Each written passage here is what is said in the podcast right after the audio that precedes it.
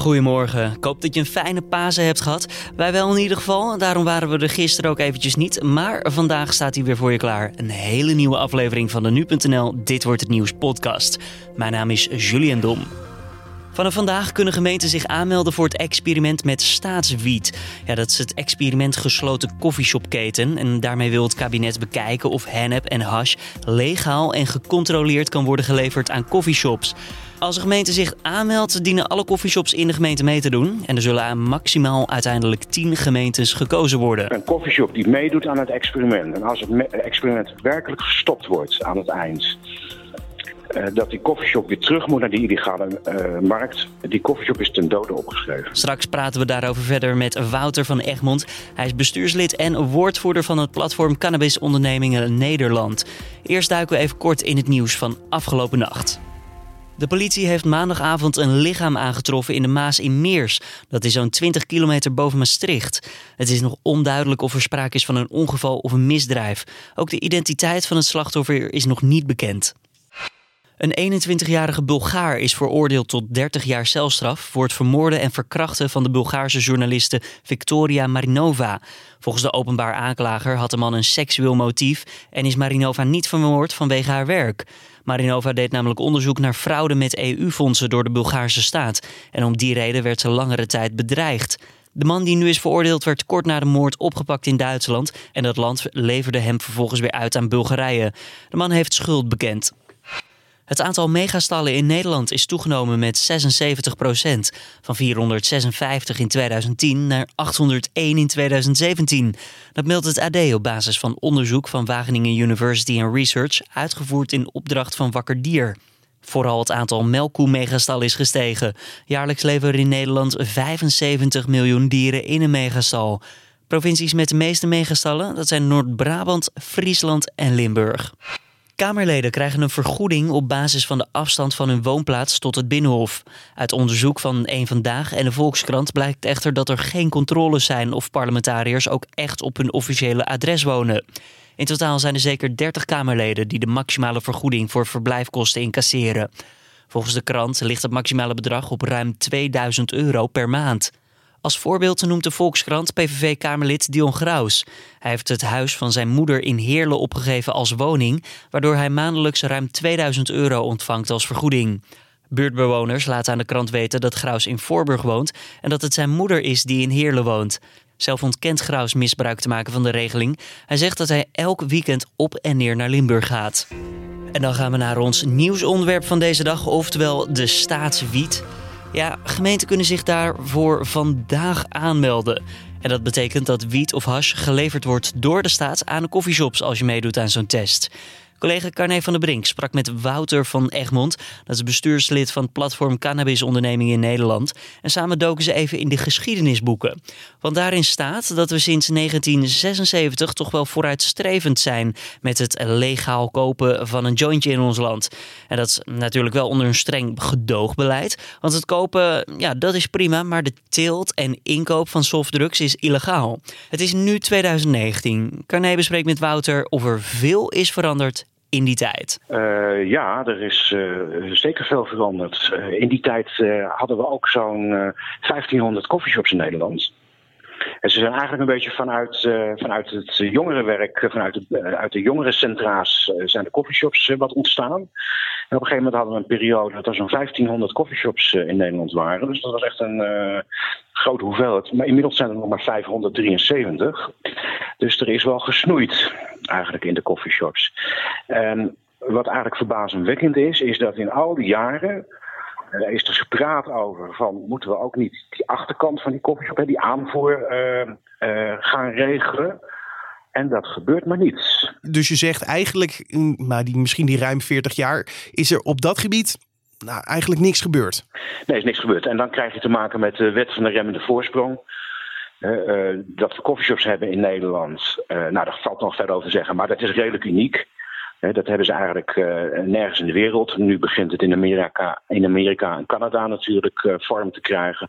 Maar dat zijn nog dispensaries, oftewel verkooppunten. Je kan daar niet, het is geen café-opzet zoals wij hier hebben. Hè, dat je ook een lekker kopje koffie kan drinken en dat je in een rookruimte ook je jointje kan roken. Dat is daar niet. Dus dat is wel een heel uniek concept wat we hier hebben in Nederland, al, meer dan 40 jaar.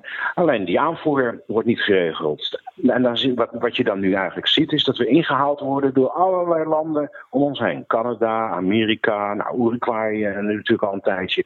Uh, Luxemburg uh, gaat ermee aan de slag, Israël. Dus ja, en hier komt er maar geen beweging. Nou komt er natuurlijk wel, dat experiment komt er wel aan. Maar dat is wel een beetje laat. En ook een beetje klein vinden we het. Vinden we het. Precies, het regeerakkoord van kabinet Rutte 3. Um, het werd gepresenteerd en daarin stond het idee van een wietproef, een experiment. De regering heeft dat uitgewerkt en dit jaar moet het dus starten. Uh, toen jullie het hoorden, waren jullie gelijk enthousiast? Hoe, hoe reageerden jullie?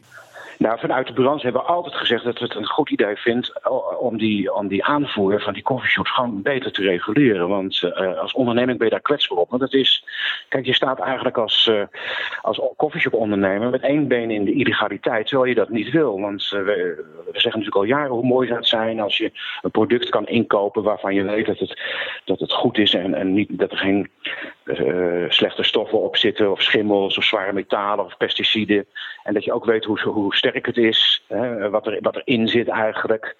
Ja, dat, we vinden eigenlijk wel dat ook de cannabisconsumenten, zeggen we dat met een mooi woord, daar ook recht op hebben om die informatie te krijgen van, ja, wat gebruik je nou? Hè, als je bij de, bij de supermarkt een, eh, een, een, product koopt, dan staat er ook op wat erin zit. En heb je ook de garantie dat het veilig is. We vinden dat het veilig moet zijn. En we vinden dat. En als je erop zet wat erin zit, dan krijg je ook uh, bewuste gedrag om ermee om te gaan. Het plan was dan wel niet gelijk perfect. Want er waren bijvoorbeeld eh, de problemen met het feit dat uh, nu hun eigen voorraad hebben, hun huidige voorraad.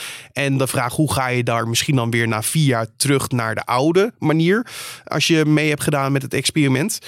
Dat was een probleem. Hoe, hoe zat dat precies? Nou ja, kijk, in het, uh, in het plan zeggen ze. Kijk, dat experiment moet een begin en een eind hebben. Dat, dat snappen we wel, hè, want het is een experiment. Dus dat kan, hè, wij als branche zeggen eigenlijk van uh, luister we slaan met elkaar een bepaalde weg in hè, naar, een, naar een nieuwe, nieuwe werkelijkheid.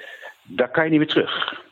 Want als jij, kijk, een, een coffeeshop kan zo 10, 15 of 20 leveranciers hebben. Hè? Want het is een illegaal product, dus dat wordt vaak in kleine hoeveelheden geteeld. Uh, ja, die heeft met heel veel mensen te maken die dat aanleveren. Ja, als je die vier, vijf jaar niet meer gezien hebt, dan krijg je dat niet meer terug. Want die zijn er waarschijnlijk ook mee gestopt. die, die, die zijn uit beeld.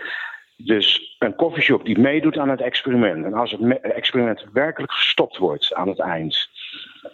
Uh, dat die koffieshop weer terug moet naar die illegale uh, markt. Die koffieshop is ten dode opgeschreven. Nee, je hebt iets opgebouwd en dat kom je niet meer terug. Krijg je niet meer terug. Dat komt niet meer terug. Dat krijg je niet zo van de een op de andere dag uh, terug. Dus dat is daar maken we ons wel zorgen over. We zeggen, nou ja, dat, is, dat idee snappen we wel, want een experiment moet een begin en een eind hebben. Maar de werkelijkheid zal zijn dat dat niet mogelijk is. Dat je al je inkoopcontacten kwijt bent, al je aanlevering uh, ben je kwijt. Uh, dus dan ga je gewoon dicht. Dat, dat, dat betekent het. En dat is ook voor coffeeshops natuurlijk wel. Ja, kijk, een, een coffeeshop ondernemer die wil natuurlijk grip hebben op zijn zaak. Hè? Want dat is een schip wat gevaren moet worden. En uh, die ondernemer is de kapitein. En die wil niet dat dat schip avrij gaat oplopen. En ja, zo'n experiment, daar zitten natuurlijk nog wat risico's vast. Met name zo'n eind.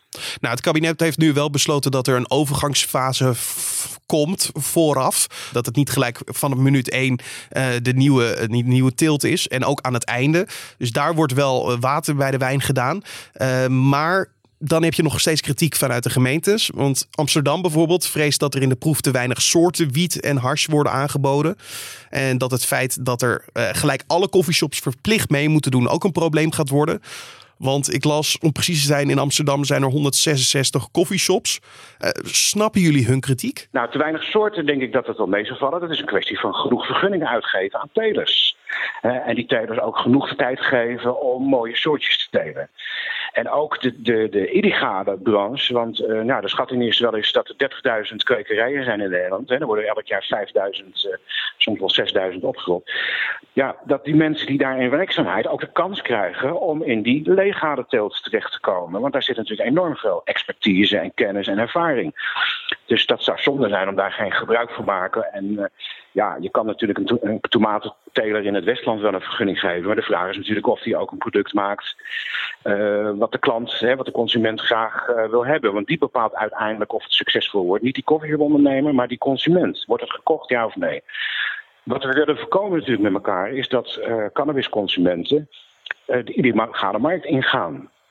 Dus je moet gewoon zorgen dat er goede producten komt. Dus die zorg snap ik wel. Maar als er genoeg vergunningen uitgegeven wordt, ontstaat daar wel een nieuwe wereld eigenlijk van telers. Uh, dat, dus dat hou ik wel. Dat het allemaal in één keer moet, is wel een beetje onhandig natuurlijk. Hè. We noemen dat een clean sweep.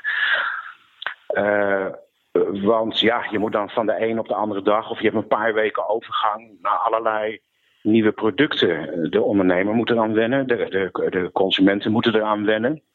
En je mag ook een aantal producten niet meer verkopen. Je mag bijvoorbeeld de hash niet meer verkopen. In dit verhaal, je mag eigenlijk alleen maar legaal geteelde producten verkopen. En hash kunnen we wel zelf maken, maar dat, dat, dat duurt even. Dat heb je niet zo 1, 2, 3 onder de knie.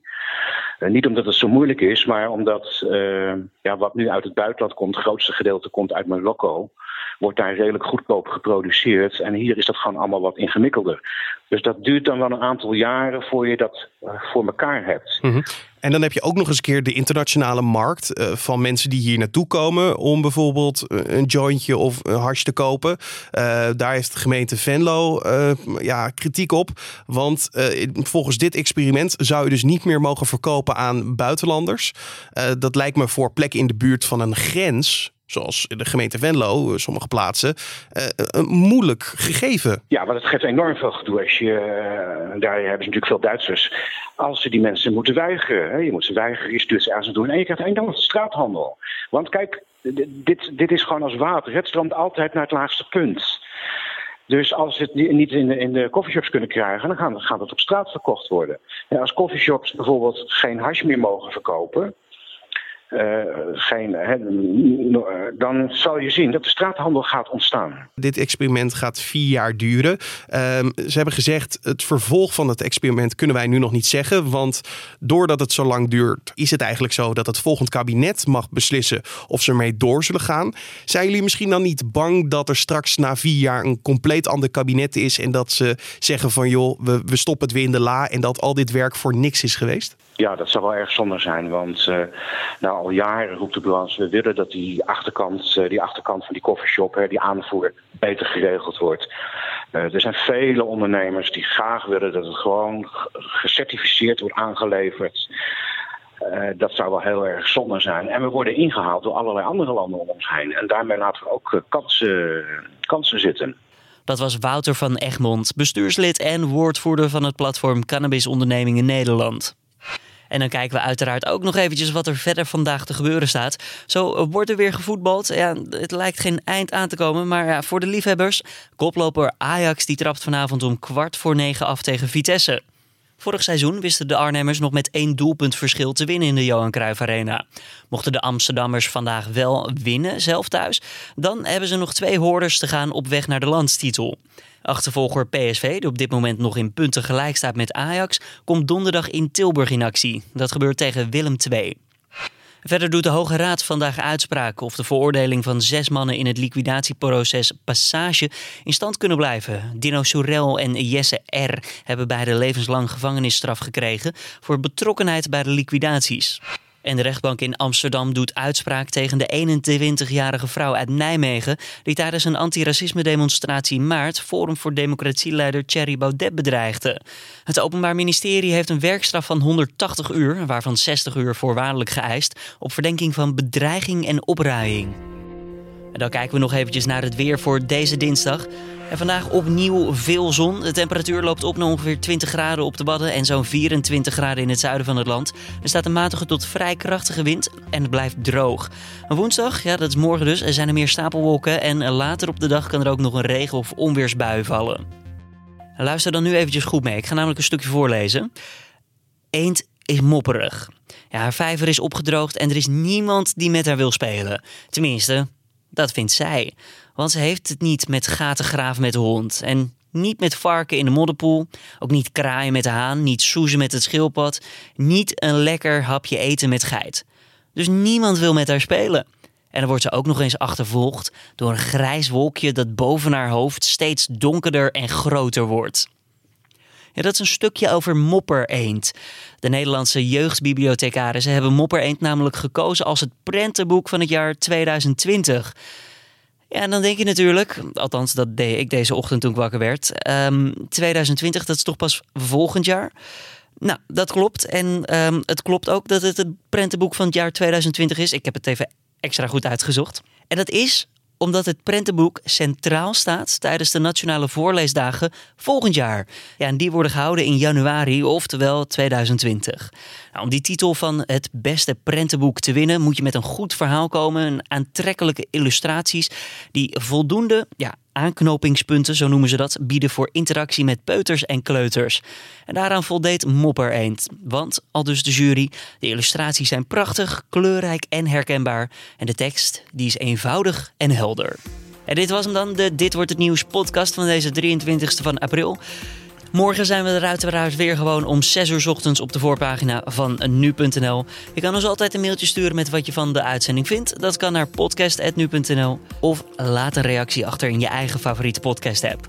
Mijn naam is Julian Dom, zoals gezegd. Ik wens je voor nu een hele goede dinsdag en tot morgen weer.